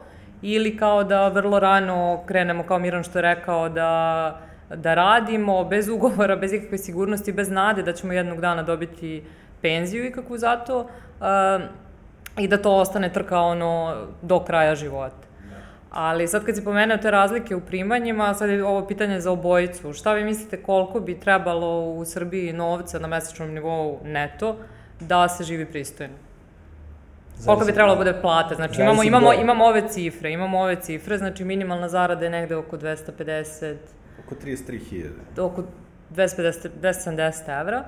Uh, I imamo sad tu neke druge parametre, minimalnu potrošku korpu koja je malo iznad, prosečnu koja je duplo veća, uh, slažem se, zavisi gde, ali eto, recimo u Beogradu ili u Novom Sadu. Pritom treba imati na umu što je meni bilo potpuno uh, suludo kad sam čuo da je Novi Sad zapravo skuplji za život nego Beograd. Ne znam da li znate tu taj ne. podatak. Mislim, za nijansu, ali je skuplji za život nego Beograd. Nisam imao pojma. U kojim oblastima? Ne, kada ono uzmeš troškove života kao za jednu porodicu, uh, skuplje u Novom Sadu nego Beograd. Zanimljivo. Ovaj, ne znam, ono, ja kad razmišljam, o, kad god sam razmišljao o tome šta je neophodno, onda postavljamo pre toga postavimo pitanje, da li govorimo o pukoj egzistenciji, dakle da je izguram do kraja meseca za sledeći mesec, ili govorimo o dostojanstvenom životu. Ja vas pitam sad, mi vas pitamo u stvari sad za ovaj dostojanstveni život, za neki, nešto što kažemo da. normalan život. Da, dostojanstveni život, pa ja mislim da je oko 1000 eura bi trebalo otprilike recimo da bude plata, zato što mislim da je neophodno da ljudi mogu da uživaju i u nekakvoj kreativni dokolici, da mogu da obogate svoj život kulturnim sadržajem, da mogu prosto duhovno, kulturno, emotivno da budu stabilni, da budu kompletni, da mogu da razumeju savremene tokove, da se uključe u savremene tokove, da možda budu deo nekakvih savremenih tokova, da imaju priliku da putuju, da upoznaju ljude sa drugih meridijana, drugih zemalja, da upoznaju druge kulture, da možda upoznaju druge jezike, da imaju slobodno vreme za sebe, da i njihova deca imaju slobodno vreme, da mogu da žive ono u, u odvojenim sobama. Znači, znaš, kad govorimo o nečemu što je zaista nekakav minimum uh, življenja, da govorimo, ne, da, da govorimo o kreiranju nekakve srednje klase koja bi bila stub, kičma ne, nekakvog ekonom, ekonomije jedne zemlje, ovaj, da bi potom i radnička klasa mogla da živi, ovaj, da, da, ima, da ima određeni standard kvaliteta života koji ono, koji nije zanemarljiv, koji nije ponizan, koji, znaš, koji je, do, koji je dostojanstven, onda ja mislim da je hiljadu i po eura ta, ta, ta kinta trenutno u Srbiji. Ali dodako si sad, pre nego što, što Miran da svoju ovaj, procenu, dodako si sad jednu, jednu bitnu temu, znači, zato što većina ljudi koji, su, koji rade, recimo, u tekstilnoj industriji, mi se time bavimo, i koji rade za te neke plate od 250-300 evra, u suštini uh, ima jedan drugi problem koji je isto hroničan, a to je E, nedostatak vremena, jer ti od te plate fakat ne možeš da živiš, pa si ti prinuđen ili da radiš preko vremeni, ili da radiš još jedan posao. I tako da ti ljudi ne da nemaju vremena za sve te uh, kreativne stvari koje si ti naveo, nego nemaju vremena da se na vrlo bazičnom nivou pozabave sobom, makar to bilo ono, gledanje televizora pola sata, naročito ako su žene u pitanju sa dodatni posao nege i brige kući, da to postaje jedna stalna trka gde ti, znači imaš permanentni nedostatak vremena i permanentni premor, mislim, što, što je jedna je totalna katastrofa. Što kada ti se da on tačno toliko da držiš glavu iznad vode, tad se ne buniš, da ne bi izgubio i to malo što imaš. Da, ali ono, ono što je činjenica za Srbiju je da u Srbiji, nažalost, biti zaposlen ne, znati, ne znači imati glavu iznad vode i ne znači ne biti siromašan. Upravo zato, čak i ovi ljudi koji rade po dva posla, jer mislim šta ti možeš pored jednog punog osmočasovnog radnog vremena koje najčešće podrazumeva rad subotom, šta ti u stvari još možeš? Ti možeš dnevno raditi još 2, 3, 4, 5 sata. Mislim, možeš raditi 16 sati, ali ne možeš na duži rok. Možeš jedno određeno vreme. Tako da, uh, i ti ljudi koji rade tako po dva posla, jer govorimo o nisko plaćenim poslovima, u stvari teško da drže, da drže glavu iznad vode. Drže u onom smislu što spoje prvi prvi, ali uz dobru, dobru pomoć, e, ne znam, prijatelja, rođaka, bašte, sela, kao čega god. Mirane, šta ti to, misliš? Što se tiče ono, dostojanstvenog života i zarade neke, pa ja bih tu govorio ne samo o visini zarade, nego i o tome na koji način i prihodujemo, koliko radimo, koliko imamo slovnog vremena, kako su nam ti radni uslovi, jer ako ti neko ceo dan drobi a, i ono šikanirate, ako radiš 7 dana u nedelji, ako imaš 1000 i po 2000 evra, da li tebi uopšte i do trošenja tih para. Znači, nije, nije samo to koliko je para potrebno, nego kako si ih ti i, i došao da, do njih. Dobro, pitanje je koliko para bilo. Dobro, jasno, jasno. A dobro, moje malo da proširim, ali okej. Okay. Dakle, ono, i to, i to, je, i to je suština da, da vidimo kako smo ih zaradili. Ako, ako su uslovi rada zaista neki dostojanstveni, onda možemo govoriti i o dostojanstvenoj zaradi koju trošimo. Ja ću reći konkretno što se tiče mene za, na primjer, Novi Sad, a, jedan stan od 40 kvadrata, to je neki sa troškovima 250 evra, a, hrana je nekih 300, znači ja sam odmah tu nekih 550 evra u startu moram da zaradim. Da. da, da, da, da, bi, da bi to, to kad kažem 300 evra za hranu, to je relativno da ne mislim šta kupujem. Znači sad zaista govorim iskreno.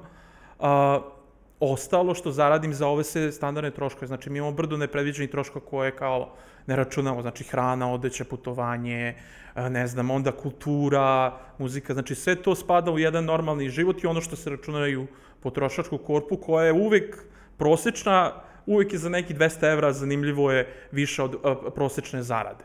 Znači neka potrošačka korpa je, ne znam, 600 evra, tako negde, a, ba dobro, 60 i nešto hiljada, ne znam sad tačno koje, to se menja svaki mesec, ali ono zarada je 400-450 evra, znači tu je, tu je uvek ono razlika. I zaista da bi neko kao imao tu potrošačku korpu koja je ono nerealna, jer se, kako, kako se računa, to je uvijek zanimljivo, ono, prosek, uzima se vrh i dno, 20 od dna, 20 od vrha, i onda onaj vrh koji zaista ubija, jer u Srbiji su tolike ekonomske razlike najveće u Evropi. Mi smo je, zemlja u, ko, u kojoj su razlike između onih 1% i ostalih na dnu enormne. znači najveći u Evropi. Dakle, oni kad sa svojim prihodima koji su 100 puta veći u odnosu na to dno, kad se saberu, to dođemo do tih nekih 60.000 i onda kažemo, e, to je neki prosek. A zaista to nije, to nije prosek. I ono ja što bih rekao da kažem, eto, meni treba 550 evra samo da, to je ono da, da pregrmim, da kažemo da preživim.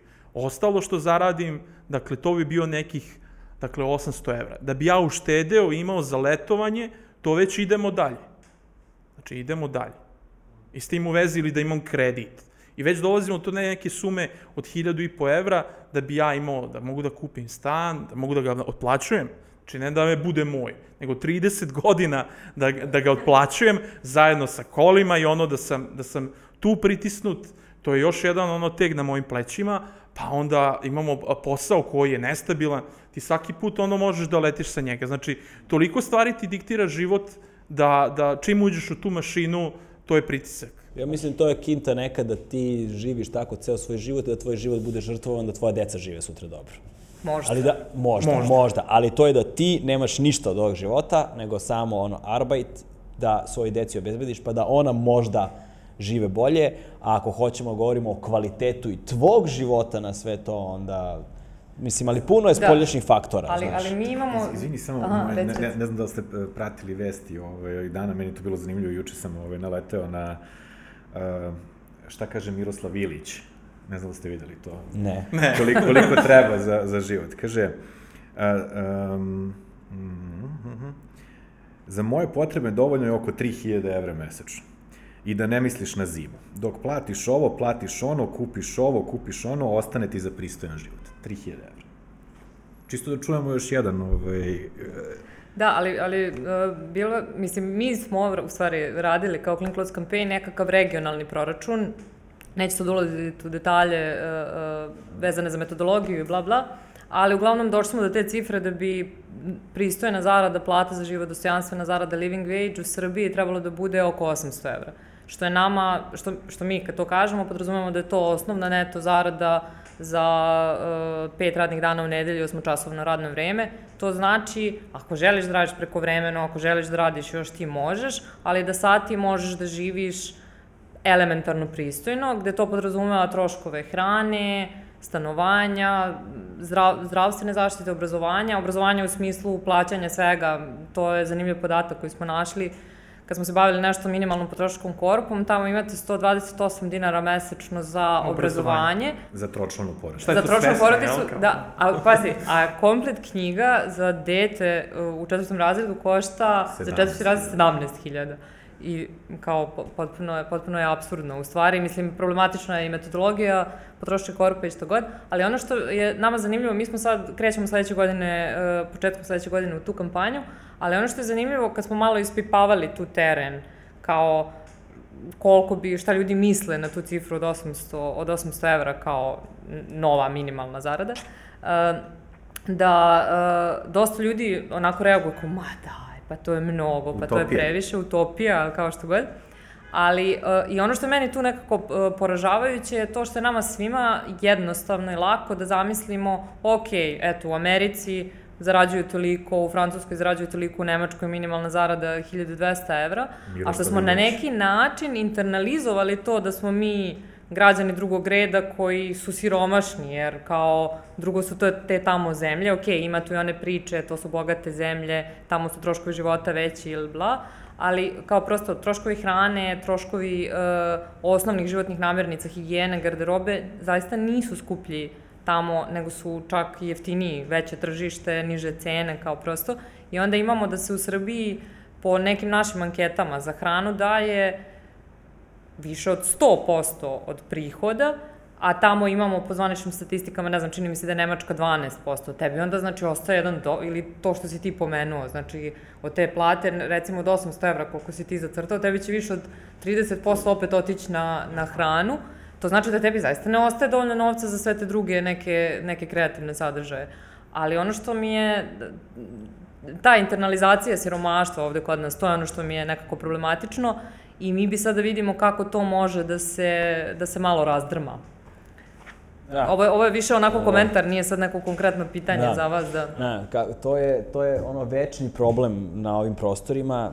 Ja, skoro sam, ne znam sa kim je pričao, ima onaj Jovan Cvić, e, Balkansko poluostrvo 1 i 2 i onda Balkansko poluostrvo 2 gde se ne bavi toliko toponimima, nego se bavi ono, ne bavi se geografijom, nego se bavi više psihologijom ljudi u određenim oblastima, kako je, kako, kakva je psihološka konstitucija ljudi na planini, u kotlini, pored reka i tako dalje. I onda ima, kada je radio to istraživanje, gde je išao na mesta gde je turski zulum bio najsnažniji, pa je beležio ponašanje ljudi na tim u tim krajevima i onda govorilo o toj moralnoj mimikri, o tim rajinskim osobinama, o načinu na koji ljudi se odnose. Onda kada čitaš taj tekst, ono, od pre 150 godina, ti si u fazonu, ćebote potpuno isto i danas. Znaš, postoji taj određena servilnost, postoji ta određena a, a, ovaj, taj neki podanički mentalitet u tom kontekstu, zato što toliko smo naviknuti na siromaštvo, Uh, i toliko su svi oko nas stalno siromašni da je, da je, da je socijalni kapital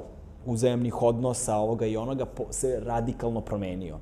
I ovaj, gde imaš brojne ljude koji bi voleli možda da imaju više, ali ne bi voleli da imaju više u odnosu na svoju okolinu. Znaš, gde opet sad tu postoji jedna vrsta društvenog ugovora, gde je ono, kako ću ja da se osjećam ako imam tri puta više od tebe, a odrasli smo zajedno. Znaš, kako ću Ove, mis, mislim da tu postoji, da, da, da, da to formira negde i, i, i, i, i navike i ponašanja i odnose kojima se kompenzuju sad sve te neke stvari. Svo, kao što sam malo pre rekla, ovde se osloniš na babu koja će ti doneti, poslati ručak autobusom, ovde ćeš iz bašte da pokupiš, ovde ćeš... I to postaje model standardnog ponašanja, to postaje normatizacija tog odnosa, gde sad kao ako tražiš nešto, više ti si razmažen ili... Pazi, kad smo mi radili istraživanja, na primer, kada pitaš ljude, ok, koliko vama treba za život, ljudi nekako, nekako im to ostane izvan ono, uh, imaginarijuma, kao da to nije neš, ne, nešto što dobijaju besplatno, a da ne dobijaju besplatno morali da ga plate. I onda kao kad kažu ko, kolika je plata vama treba da biste preživeli i oni se zadrže nekih ono 300-400 evra, ali onda ih podsjetiš, pa čekaj, čekaj, ali vi imate baštu, pa možda imate neke kokoške, ja, pa koliko bi to koštalo, pa ih pitaš ovo za letovanje, gde ne, ljudima da. ono, letovanje ne postoji nekako kao... Kao, kao koncept. Da. Odmor, odmor kao koncept ne postoji, ali to, mislim, na prvu kad ih pitaš dobiješ te odgovore. Mislim, dobiješ odgovor kao koliko on treba za hranu, 10.000 mesečno. Ali kad kreneš zaista malo kasnije da, da čeprkaš, jedne godine smo dobili neku cifru od 650 evra, a poslednji put uh, je, su zaista očekivanja ljudi bila tu negde 800, kad su zaista posložili sve i kad su računali koliko bi im trebalo uzeli ljudi izgooglali da odu na odmor, ali u Srbiji, znači čak ne ne ni negde, ni negde u inostranstvu, ali sad to što si rekao, mi smo na, navik, naviknuti. Iz mene je tu pitanje jesmo li naviknuti ili su nas navikli, još A, uvek dobro, nas da. navikavaju, da. jer mi smo, evo, unaz, kad, kad odemo unazad 30-35 godina, mi smo imali jedno drugačije radno zakonodavstvo, drugačije radna prava, nismo imali ova izrebljivanja koje imamo sad i prosto imali smo i drugačiji standard. Meni se više ovde čini da kao prosto od zadnjih 30 godina imamo jedno kuvanje žabe, gde mi polako se samo spu, spuštamo svoje, spuštamo svoje kriterijume. Pa nam je sasvim okej okay kao to da nas neko plati kolika je sad satnica 170 dinara, mislim to je evro i nije ni evro i po, mislim, to je, to je prestrašno. A u, imamo u Nemačkoj u satnicu najnižu možda 5 evra, 7 evra na, na sat. Mislim, ja sećam kad sam kao student otišla u Sloveniju i kad su me tamo plaćali 5 evra za sat za neki studentski posao, ja sam se osjećala kao da sam bog jedan sprem onoga što sam tada kao student isto mogla da zaradim u Srbiji ili u Bosni da sam bila na fakultetu. Pa da, ali pitanje je isto, dakle, ne može to da se menja bez nekog modela organizovanja, mislim, i nekakve kolektivne akcije. Ok, možemo s jedne strane da probamo da razgovaramo o tome da što više neko podižemo očekivanja ljudima i da kažemo ljudi kao zaslužujete više, ali opet je potrebna ova neka vrsta sindikalne akcije gde ljudi zaista mogu da nekakvom kolektivnim delovanjem pritisnu da bi izborili nekakve bolje uslove rada. Aj, ne samo to, ono, mislim, zvučit će jeftino, ali zaista treba isto neki, neka vrsta nade ili nešto što možemo da očekujemo kad nečemu da idemo. Da li je to u nekom slučaju plata koja je 800 evra, pa onda mi zaista nju vidimo kao nešto što nam i treba i što želimo.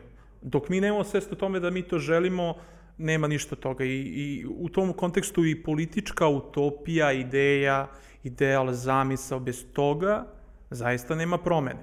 Znači, nema, nema boljeg života bez određene politike koja će da propagira određen način života. I to je, to je suština. Ali, da se vratimo na ovo, mislim, e, na primer, do nekih 2000. godina, sad malo licitiram tako sa godinama, važila su pravila da socijalna mobilnost se podrazumeva na osnovu školovanja. Znači ti završiš, druže, fakultet, obrazuješ se samim tim, ti ćeš imati posao, bit će ti lakše. Danas je to samo jedan plus, znači mali plus u tvom životu, a ni ne mora da bude.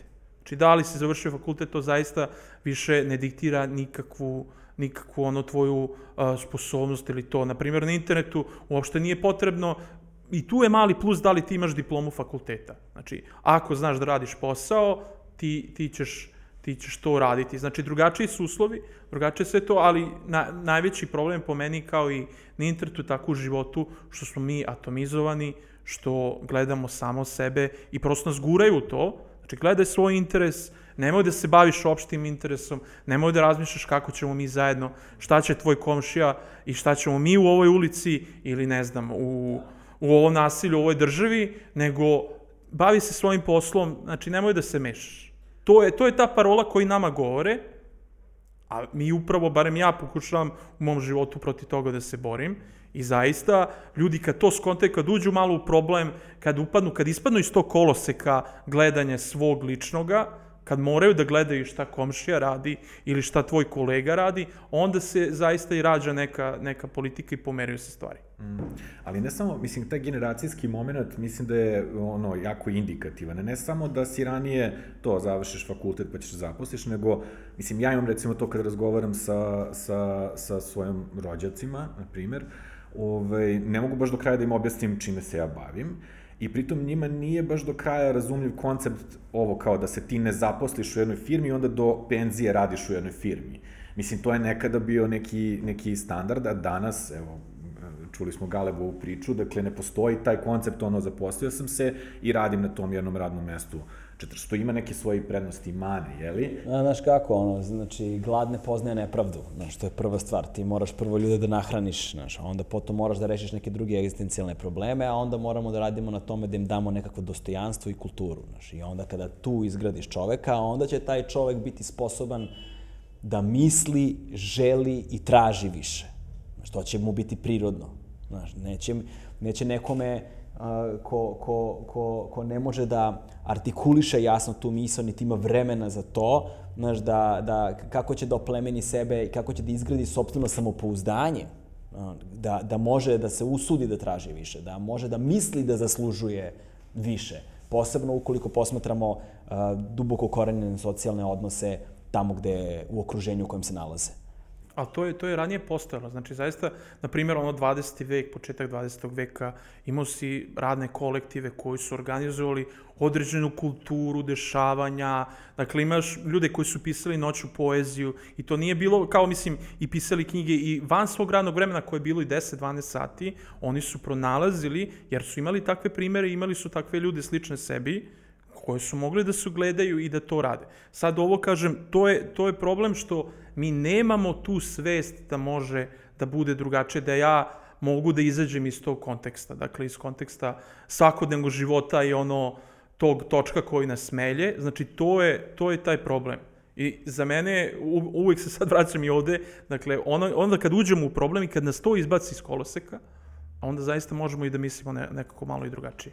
A da li... Ali, Pa ne, samo sam tela nekako i ovo što je, što je Galeb rekao, jer bi, mislim, složila bih se, zato što imali smo skoro nekakav skup sa sindikatima, gde je jedan od stavova bio da onog trenutka kad kao dotakneš dno, kad nešto bude najgore moguće na svetu, onda ćeš možda i da se kao nešto pobuniš. Mislim, ja prosto čini mi se da nas iskustvo upravo to kuvanje žabe i tih zadnjih 30 godina uči da to nije, da to nije pravilo, da prosto, a postoji mnogo gori uslovi na svetu, pa se opet ništa, ništa tu ne dešava. Da mislim da je svaki uh, nekakav uh, uh, impuls koji na bilo koji način budi želju sada na tom god stadijumu na kom, smo, na kom jesmo, dragocen, da ne trebamo čekati nikakvo dno, da ne trebamo čekati... Tačno je to da tek kad te nešto opeče, ti u stvari onda reaguješ. Ali ovo je, i ne pričamo tim takvim džepovima, nego pričamo o tom da, znači, mi idemo ono ka dnu rapidnom nekom brzinom,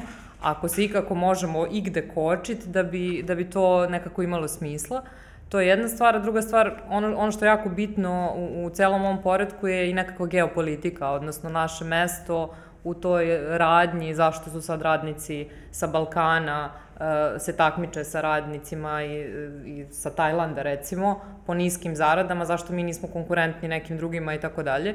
I vezano za ovaj outsourcing, uh, odnosno izmeštanje proizvodnje velikih kompanija koje se isto isto dešava ovde. Znači, mi nemamo ni tu neku, kao zemlja, ekonomsku nezavisnost da možemo diktirati svoju politiku, ali ono što možemo i za što se mi zalažemo uh, je u stvari pritisak na te velike kompanije da zaista naprave nekakvu drugačiju redistribuciju svog bogatstva, pa da ljudi svi koji proizvode za njih imaju pravo na platu za život garantovanu kao, kao nekakvo osnovno ljudsko pravo. Problem je tome ko će da ih natera to da radi. Pa, to jeste problem zato što kad, kad imaš međunarodnog krivca koji je izvan našeg nacionalnog okvira, jer će se on preseliti u drugu kompaniju ili to što si ti rekao, ovo što radiš, hoćeš, ako nećeš, radit će neko drugi, odnosno ne možemo u Srbiji, moći ćemo u Makedoniji, Albaniji ili bilo gde drugo.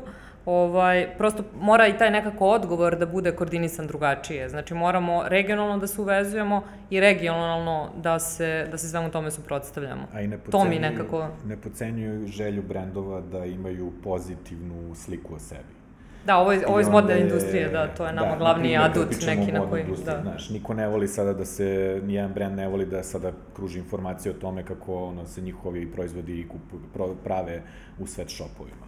Da. Mislim, to jeste jedan od vidova pritisaka. Pa bio je ono, samo da se nadovežem, Beyoncé, onaj mim, kada da. ona bičuje one svoje radnike. Mislim, to je, to da, je taj, ono, pa da. da. pritisak na brendove. Ali, evo da dođemo do, do, do, do ovog finalnog nekog dela i da, da nekako obrnemo ceo krug. E, da li vi e, možete zamislite u nekakvoj bliskoj budućnosti da živimo u, u drugačijem nekom svetu od ovoga kakvom trenutno živimo? U bliskoj ne. Kalep, ti uopšte ne možeš, ti si malo pre rekao da to tamo ne ideš ka da, tome, da, ali ne dostižno. Ovaj, Dobro, da. možemo i neki srednji rok. Ajde. Ne, ne, kao, mislim, znaš, u bliskoj, u bliskoj i vrlo, znaš, mislim, da, imamo ideal kojem težimo, ono što smo pričali sa početka, s jedne strane, ali s druge strane treba biti realan i posmatrati svet i društvo u kojem živimo. Ovaj, potpuno je jasno da su stvari ovde u hroničnom problemu koji se produbljuje. A, s druge strane, više ne znamo, sad je pitanje ono kao šta je starije kokoška ili jaje, pitanje uzroka i posledice, znaš, odakle početi, kako prekinuti začarani krug i kako, ne znam, ono, do, do, steći nekakva sredstva, kako pronaći nove ljude, kako rešiti, ne znam, ono, sistem poreske uprave, ono, za početak, znaš, kao ta, znači, poreska uprava da bi se rešila, mora da ima nekakve pare, a, kao dakle će te pare da stekne da reši svoje probleme. Treba da se usavremeni tehnologija, treba da se usavremene sistemi, treba da se edukuje poslovni kadar, treba da se podmladi poslovni kadar između ostalog. Uh, koliko je Poreska uprava imala, ne znam, 18.000 ljudi 2000-te, pa je nekom reformom 2002. 3. 4. svedena na 9.000, pa sad ima 3.000 ljudi u Poreskoj upravi. Znači, ti nemaš dovoljan broj ljudi ni da da, obslužuje samo... sistem. Tako u zdravstvu, tako u obrazovanju. Znaš, i da obslužuje da. sistem. Znači, nemaš... Ne samo pritom... poreska uprava, nego i sudstvo, sve se premešta, centralizuje. Ne znam, imaš 400-500 poreskih inspektora na 400.000 privrednih subjekata. Mislim, o čemu pričamo? Pa onda imaš, ne znam, imaš osam radnika socijalnih, centra socijalne rad na Voždovcu na 230.000 stanovnika. Znaš, o čemu pisede u azbestnoj zgradi, ono. Znaš, dok s druge strane, ono, u, ne znam, javnim preduzećima nakrcavaju botove na platama po hiljade i hiljade njih, znaš. Tako da pitanje je gde se usmeravaju ta javna sredstva. Kako, znači, onda taj kadar što tu radi, kojim su oni savremenim tokovima? Gde su oni posljednji put išli u inostranstvo, neku edukaciju, neku radionicu, usavršavanje svojih znanja? Uh, znači, mislim, uh, možda jeste savremena tehnologija olakšala određene procese u tim poreskim uh, ustanovama, ali s druge strane, s druge strane, proces se usložio mnogostruko sa digitalnim svetom, sa internetom, sa jezik se usložio, prava su se usložila, tehnologija proizvodnje se usložila, način na koji se ostvaruju prava, kako se reguliše ovo i ono. Nije isto da li ću porez da platim ja, ne znam, sa tih famoznih 3000 eura imam platu i ti 3000 eura imaš platu, znaš, ali ja imam 3000 eura platu, imam ženu koja ima 3000 eura platu, nemamo decu, imam pet nasleđenih stanova. Nije istih 3000 eura kao on gde mu žena nema platu, da ima troje dece i renta gajbu, ko zna, nije isto. Dakle, ali ko će to tebi da izračuna? Ko će da obračuna okolnosti svakog pojedinačnog stanovnika u poreskom sistemu koji ima 3000? Ne, nego ćeš da nađeš jednostavan zakon kojim ćeš da pokriješ sve, koji je fundamentalno nepravedan i koji će da ono puca u kolena ne znam koliko velikom broju ljudi.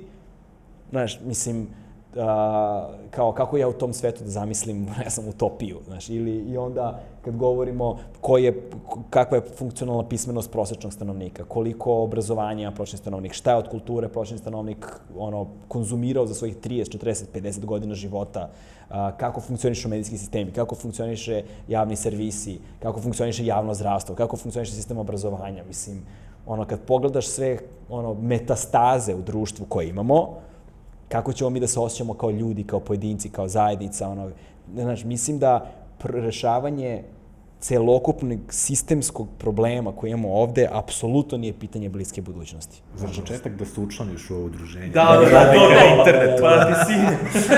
da, da, da, to, to, to, pa da mi sin. Da se Ne, učlaniš da poguraš. ne, ne, ne, Da. ali u svakom Zoveš ih u podcastu. Znaš, to, ne, to ne, to ne, samo, samo da se ogradim, znači da ne bude to sa neki, neka ono, pozicija antropološkog pesimizma. To ne znači da sam ja digo ruke i odustajem od svega. Na, šta više, samo prihvatam okolnosti kakve jesu i dajem sve od sebe da, da doprinesem koliko ja mogu da možda za malkice stvar bude bolja sutra nego što je bila juče. Optimizam volje, pesimizam duha. Znaš, to, ono, znači, pesimisti su ti koji su uvek u pravu, ali optimisti su ti koji menjaju svet. Znaš, ali je stvar u tome da, ali opet treba biti realan da ne bi izgoreli u tom optimizmu. Znaš, jer ako kreneš sa time na prvi prag koji budeš obio u nekoj javnoj instituciji, odmah će se razočarati. Okolnosti Raznih jesu pristupa. zaista sumorne, naročito danas kad smo, ono, živimo poprilično jednu disutopiju sa ovim virusom. Nije onako kako smo je zamišljali u filmovima gledali, ali to je ono, jednostavno loša režija, loš film, ta, takav nam je život loš, jel? A, Pa ni ova pandemija baš nije onako kako bi je zamišljali, ali govorili smo, na primjer, ja sam pričao, dakle, al- algoritami, roboti, to smo isto zamišljali drugačije kontrolu njihovu i to je tako malo loše, banalno, nije, nije onako kako smo očekivali, ali u suštini dobar deo naših života, naročito u ovoj državi, zaista čini se nemogućim da se promeni, uslovi se čine takvim da je, da je ono šta god da uradiš, malu promenu da načiniš, čini se da, da, je, da je nemoguće ako uopšte i stigneš. Ali to je, to je ono što, što nam je zaista nužno donekle, da vidimo da ipak može drugačije, makar na nekom planu, na nekom planu života. Jer onda ljudima se i budi nada, ljudi zaista žele nešto da vide da se može. E sad, a, suština ove vlasti države jeste da oni urušavaju bilo ka, koji vid otpora i institucija. Oni državu nužno sami ur- urušavaju. Naprimjer, zašto Telekom urušavaju ili Poštu? Pa jednostavno je, tako se privatizuju stvari. Vidimo da to javno preduzeće ne posluje dobro, a, ne, ljudi nisu obučeni, dakle, njihovi budžeti kakvi su, nenamenski se troši, oni pritom uzimaju pare, znači, javni nabavka. Mi smo imali sad ovaj situaciju kad smo otkrili za, a, dakle, ovaj ministarstvo saobraćaja da nude za izradu logoa 5 miliona dinara. Znači, to je ono, kao logo 5 miliona. Zaista, kao velike korporacije, dešavalo se, ne znam, za, za e, da li je bilo za Apple, da je bilo 50.000 evra, odnosno dolara da je bilo. I to je negde isto ta cena. Znači, da li logo a, sa, a, ministarstva saobraćaja isto vredi kao logo ovoga Apple-a. Putevi Srbije, mislim. su Putevi da. Srbije, A onda ste putevi- vi ponudili... Po, mi smo ponudili da, da to uradimo fraj, a da taj novac ubace, ovaj, da doniraju deci za lečenje u inostranstvu. A ministar izašao na TV i kaže ništa od toga, to iz 2019. ovako na papiru piše 2020. doneto u oktobru 2020. On laže čovek, znači sve nas laže, I što je najgore, znači to kad je izašao, onda dolaze ljudi na Twitteru i kažu bravo, ovaj Twitter služi, sad smo im pokazali, sad smo rešili problem. Znači, ne rešava se problem tako što, ne znam, malo, malo uzdrmaš njih, oni kažu, e, nećemo to i kao gotovo. Ne može, Znaš, ne može to da se, znaš, da se Twitter, pusti. Gde, znaš, gde je stvaran život u Srbiji od Twittera, ono... Pa ne, jasno znaš, mi, jasno mi, ali hoću da ti Stvarna kažem, dakle- Srbija nije na Twitteru uopšte, znam, Pa naravno, to je druga dimenzija, to je ono, naravno, to je, to je potpuno... Znaš, izvori informisanja su ono tek ozbiljan problem, znaš, i poverenje u izvore informisanja, tu smo tek u problemu. Jeste, Tako da, znači, Ali nije, nije, nije samo Srbija u problemu, mislim, ja bi samo, znaš, Jest. uh, Da, da, nije, nije, samo, mislim, kad govorimo o drugačijem um, uh, uh, svetu, uh, ne govorimo samo o tom šta sve baguje pravno formalno u našoj državi, nego govorimo kao o, generalno o tome da li je moguće zamisliti svet, konkretno u stvari van kapitalizma, da li je moguće zamisliti, jer mislim nije Srbija ni tako, ne baguje Srbija bez razloga, mislim, Da, priča se, opet ova priča, priča se sad geo- po svetu o, o, geopolitika. priča se sad po svetu o tom takozvanom konceptu uh, milosrdnog kapitalizma, znaš, kao, To slušamo i hajde. Da, To, da, to, to- to- da, to da, kako da. postoji kapitalizam, Dobri ubeđuju nas da je u stvari milosrdan. milo, Da. milosrdni kapitalizam. Ovaj, Humani, humani. Humani, mogu, humani, mogu da dopunim, ja sam samo hteo da završim.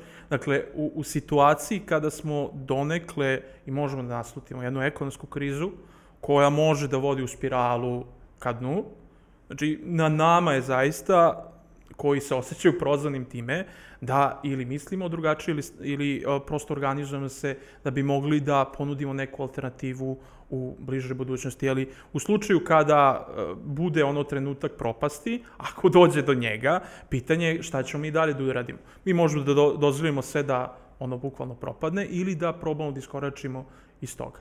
Znači, to je, to je zaista, i ljudima da bi se pružila, kaže, nada ne treba mnogo, naročito u Srbiji. Da li je to a, spasimo reke stare planine, da li, da li je to neki vid organizovanja, da ljudi prepoznaju da postoje ljudi sa iskrenim namerama, sa opštim dobrom u, u glavi, da imaju čiste i, i ljudi iza sebe i ispred sebe, dakle, da postoji tako nešto, onda ljudi zaista mogu da kažu, evo ga, ja hoću da oni meni pomognu ili da vode ovu državu ili kako god u kom kontestu govorili, nije potrebno, ne, ne, ne, treba mnogo, ali za, zato ova vlast u toj meri pritiska na bilo kom frontu, na primer, ministru Malom ne pada na pamet da on javno kaže da bi on razgovarao sa nama ili da on će to da govori, ali nadajući se da će da prođe to, jer njemu je ispod časti, na primer, nekome da izađe u susret.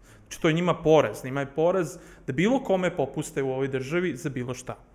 I to je ono, taj problem. Znači, ne radi se ovde da li mi hoćemo da smenimo malog Vučića ili ne znam ja šta, nego zaista ja želim i ovo udruženje koje ja zastupam, dakle, da rešimo ovaj problem na onaj način koji odgovara i državi, a i nama. I to nije mnogo. Ali to dok se čuje, dok dođemo do toga, to je ono brdo obijanje pragova, pritisaka, a, kontakata, rada, znači dosta toga da bi se nešto promenilo, ali ja se nadam na kraju da ćemo moći da kažemo evo ga, uradili smo to i to, ipak, ipak se može, ne zato što su oni dozvolili, nego zato što smo mi bili uporni. I to je to, treba biti, ostati istran i onda iz toga raste i neka druga nada za druge borbe i druge stvari. Mislim da je važno samo se napomene da neće, ne, neće tebi niko ništa, neće nama niko dati nikad No, ništa, naravno. to je prva stvar, ne može se osloniš na dobrotu sistema i nešto slično, niti će se pojaviti neki političar ili neka partija koja će nas da spasi. Jedina stvar koju mi treba da uradimo jeste da vršimo pritisak na institucije da rade svoj posao. Znači da kontrolišu da novine kontrolišu, medijske kuće kontrolišu rad političara, da a, ne postoji klansko organizovanje, da ne postoje negativne selekcije, da ne postoji ono kartelsko organizovanje, da ne postoji monopolizam, da ne postoji, nego znaš, da prosto sistemi žive i da budu pravedni, a bit će pravedni isključivo koliko se vrši njihova kontrola i pritisak nad njima. Ne, neće, niko, neće niko biti dobar sam od sebe. Ali o, o elementarna stvar za to, ja mislim da je ono, solidarnost je, da, zvuči kao izlizana iz kliše reč, ali Znaš, Ali na nije ovakvom, danas- tr- na danas- ovakvom tržištu, sa ovim brojem stanovnika koji mi imamo, sa ovolikom veličinom tržišta, jedino rešenje je solidarni front. Jed, mislim, jedino rešenje je solidarnost. I to ne solidarnost samo sa stanovi, stanovnika u Srbiji, nego mora bude regionalna. Na suviše i Srbija je suviše mala, Bosna je suviše mala, Hrvatska je suviše, svi smo mi, Makedonija je suviše mala, mali smo, jel, nema nas puno. Ovaj, jedino zajedno bismo mogli da odnesemo malo prevagu ili da budemo barem konkurentni u tom mišljenju i zahtevima protiv onih čije su ono, interesi Da nas čuju. Da. Da. Mislim da možemo da završavamo. Hvala vam puno Probili na... smo i, i rokove. Da. Da, da. To se dešava. E, hvala vam puno na, na što ste nam bili sagovornici u ovom prvom podcastu, na neki način ste i zamorčići ovog našeg ovaj, rada koji smo sad otpočeli i nadam se da smo i našim gledalcima približili malo pitanje rada na internetu i, i da smo ih možda ohrabrili malo da se ovaj, upuste u, u borbu za bolje uslove života. Da, samo da dodam, dakle, ljudi, priključite se borbi ako ovaj problem utiče na vas, jer zaista je bitno ono da, da, da nas ima što više i planiramo i buduće akcije, to dakle udruženje radnake na internetu, a borba je tek počela, ovo će da traje, tu smo, borimo se. Galebe, se učlanjuješ? oberwesten.